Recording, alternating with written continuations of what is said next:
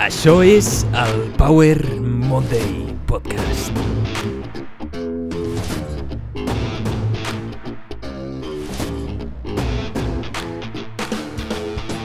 Benvinguts al Power Monday Podcast, sóc en Pau, el teu apassionat de fitness, inspiració i ciència. I aquest episodi ve carregat d'informació. I d'això és en el que parlarem avui. Parlarem de la informació, la realitat, l'habilitat més important d'aquest segle. I en la segona part parlarem de quan val la teva informació personal. Sí, ja saps, aquella informació que dones gratuïtament a totes les aplicacions. Això en aquest episodi. Som-hi!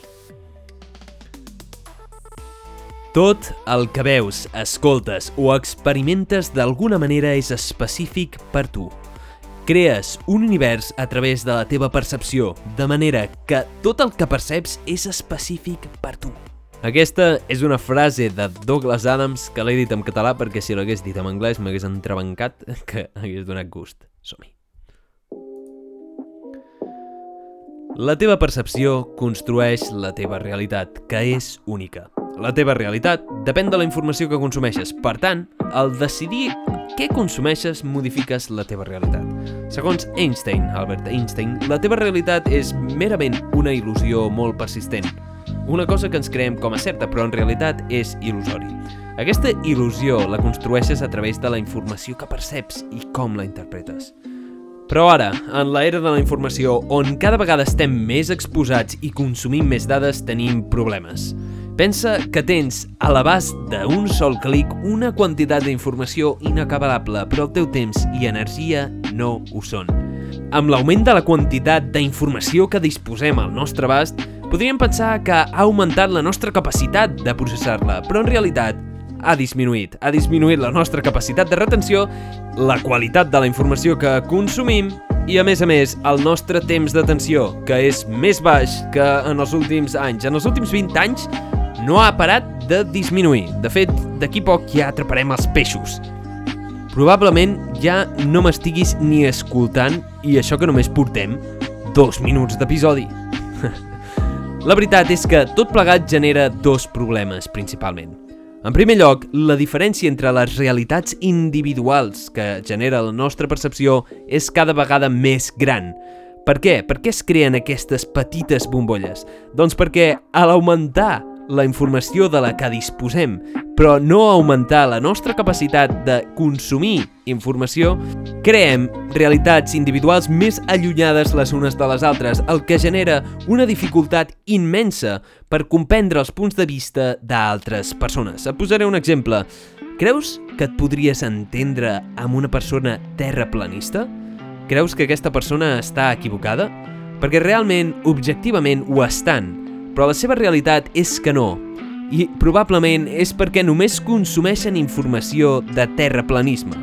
A més a més, amb la informació i les realitats individuals, entra en joc l'algoritme, els algoritmes que ens ensenyen la informació que consumim més, reafirmant el nostre viatge i només podent obtenir informació d'un petit horitzó, d'una petita bombolla, que és la nostra realitat individual. En segon lloc, tenim un altre problema, i és que hem de decidir què consumim meticulosament dins de la infinitat d'informació. És a dir, com pots saber què és cert i què no? Hi ha molta informació a escollir, però saps que la teva informació construeix la teva realitat. Per tant, has d'anar amb compte de allò en el que consumeixes sigui cert i t'ajudi a arribar a on vols arribar.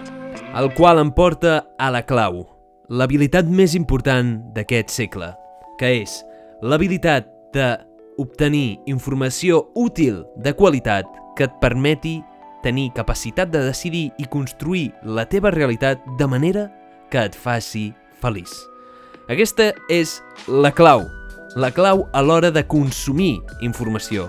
Perquè ara mateix tens molta llibertat de consumir informació, pots consumir el que vulguis, però amb la llibertat involucra responsabilitat, la responsabilitat de consumir la informació de manera adequada per tal que et benefici. Aquesta habilitat, aquesta capacitat de distingir quina informació has de consumir i quina no, et pot portar a viure molt millor. I tot comença amb una decisió. Decideix ara fer-te càrrec de la teva pròpia percepció de la realitat.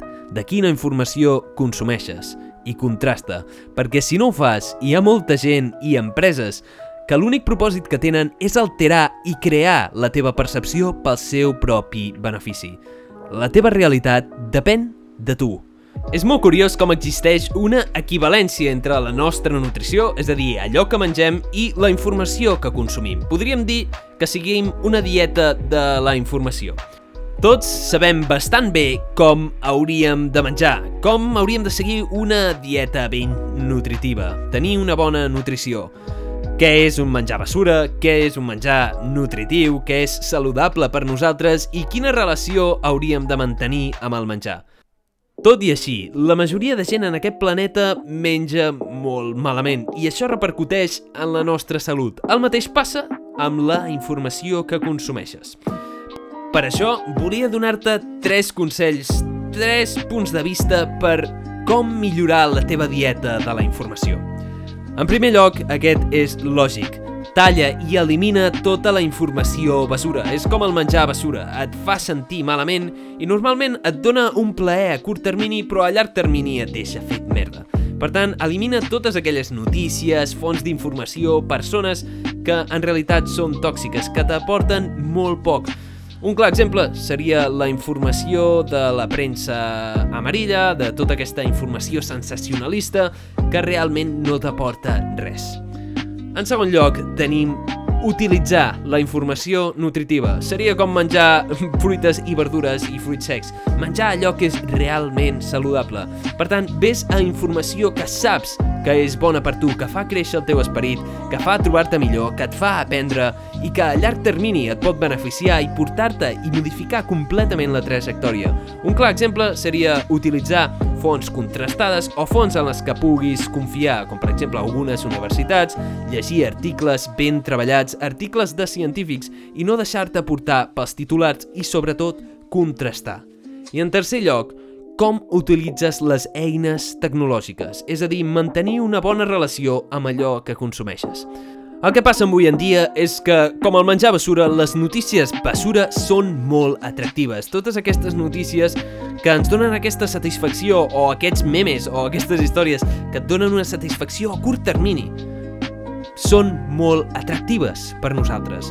Per tant, per mantenir una bona relació, posa't normes posen normes de no utilitzar el mòbil a la taula, de no utilitzar el mòbil quan vagis al lavabo a cagar. Per exemple, també pots utilitzar aplicacions com Focus o altres extensions per Google o per al mòbil que et limitin el temps d'ús de certes aplicacions. I sí, serà com un gra al cul, aquelles aplicacions que quan l'estàs fent servir se tanca, però és que aquesta és la qüestió. Aquesta és la intenció, que et molesti i que faci que utilitzis menys aquestes aplicacions i que consumeixis en menor quantitat o de manera més saludable aquella informació que saps que no és positiva per tu i t'indueix a la procrastinació, a l'ansietat, a viure a curt termini i a no cuidar-te. Perquè sabem que la informació et construeix. Ets la informació que consumeixes. La teva realitat depèn de tu. Per acabar, et volia fer una pregunta. Ets conscient de la informació que consumeixes? I dit això, anem a parar el Power Curiosity.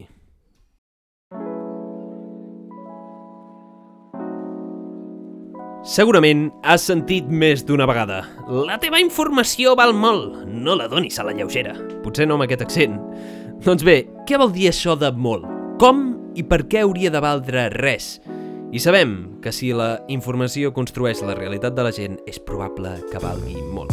Primer de tot, quan val la teva informació és una pregunta poc encertada, perquè primer hauries de saber per quina persona o per quina empresa, és a dir, qui te la compra i quina informació en concret.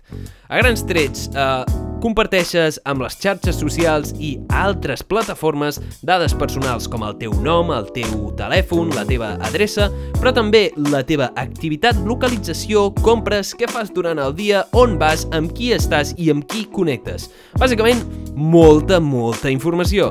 Podríem dir que et coneixen molt millor, quasi que qui et va parir. Bàsicament, tenen molta informació. La realitat és que donem tota la nostra informació de manera gratuïta, sigui per comoditat o per altres motius realment pots obtenir molts bons serveis gràcies a això. Però recorda, si no estàs pagant per fer servir el servei, probablement tu siguis el producte. Si no estàs pagant, probablement tu siguis el producte. Bueno, potser tu directament no, però la teva informació està clar que sí. Llavors, la teva informació individualment probablement valgui molt poc. Realment són les dades grans de grans poblacions que sí que tenen un valor brutal. Per qui? Doncs per les empreses que utilitzen per vendre't algun producte. Empreses com Google, Facebook o altres empreses que tenen grans bases de dades amb molta informació utilitzen la informació de tres maneres. En primer lloc, micro-targeted marketing, és a dir, el tar marketing dirigit molt específic per petits grups o individus basat en el perfil d'usuari, basat en tota la informació que recullen, et donen màrqueting personalitzat. Això pot ser un benefici per l'usuari, ja que obté màrqueting personalitzat, màrqueting de les coses que realment li agraden, no màrqueting de coses que no t'interessen, però fa la sensació de que et controlen i realment et poden manipular molt al utilitzar diferents tècniques de màrqueting. En segon lloc, utilitzen gran part de la teva informació per millorar el seu servei. Saben quant temps has estat a l'aplicació, quant temps l'has utilitzat, si has tingut problemes i poden utilitzar aquesta informació personal per millorar el servei que t'ofereixen perquè l'utilitzis més i així puguin utilitzar més informació per fer més anuncis i guanyar més diners. És el seu model de negoci, guanyar diners a través del màrqueting.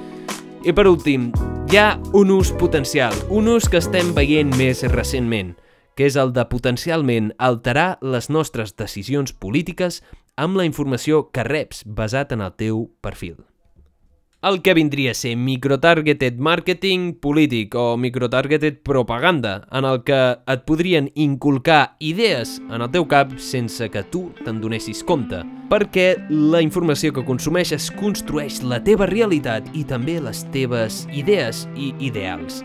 Moltes empreses utilitzen la informació pel seu benefici, però en general és molt segur per l'usuari quan mirem les grans poblacions i en algun cas pot arribar a ser beneficiós per a l'usuari, ja que tenim accés a un gran ventall de servicis. Això sí, a la Deep Web la teva informació pot ser venuda il·legalment a altres persones de manera maliciosa per uns 800 euros, pel que he vist, eh, per començar, i depèn també de la informació. Si és una compta d'Amazon, crec que val uns 5 euros, i altres informacions, com informació bancària o identitats, deu valdre molt més.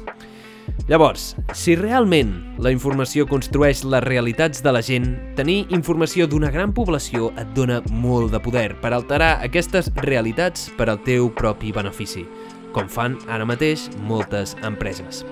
Actualment existeix una tendència creixent on poques empreses monopolitzen les dades com Google, Facebook, ByteDance, que és l'empresa de TikTok, i per tant tenen una gran influència sobre el món, sobre les decisions que fem a nivell global i sobre què fem com a espècie. És un tema molt complex que mereix una mirada super profunda i que hauríem de parlar més sovint perquè la informació és l'actiu més valuós d'aquest segle i tenir l'habilitat de saber obtenir informació, compartir informació i veure quina informació cedeixes a les altres persones és molt important per la teva llibertat individual. Llavors, tinc una pregunta com sempre per acabar per tu. Ets conscient del que firmes quan utilitzes un servei gratuït? I com protegeixes la teva informació? I això és tot per aquest episodi. Moltíssimes gràcies per haver escoltat aquest episodi. Espero que t'hagi agradat molt o t'hagi aportat una mica de valor. Recorda, si t'ha agradat, si us plau, comparteix amb els teus amics o alguna persona que creguis que li pugui interessar aquesta informació. Em pots trobar a Spotify i a moltes altres plataformes de podcast com ara Google Podcast o Apple Podcast. I si vols més informació pots contactar a Instagram a Power Monday Show. Recorda que la teva percepció, és a dir, la informació que consumeixes, construeix la teva realitat. Per tant, si modifiques el que consumeixes, modifiques la teva realitat. Depèn de tu decidir en quina realitat vols viure. I si pots adquirir l'habilitat més important d'aquest segle, l'habilitat de gestionar informació i obtenir informació de qualitat, pots portar la teva vida a uns límits increïbles. perquè la informació és poder i això ho saben moltes empreses que utilitzen la teva informació per guanyar-se la vida. La teva informació no té preu i la dones gratuïtament. Recorda que si no estàs pagant per fer-ho servir, tu ets el producte. Moltíssimes gràcies per estar aquí, et desitjo una setmana èpica on creïs la teva pròpia realitat i com sempre ens veiem en el pròxim episodi. Una abraçada. Ciao.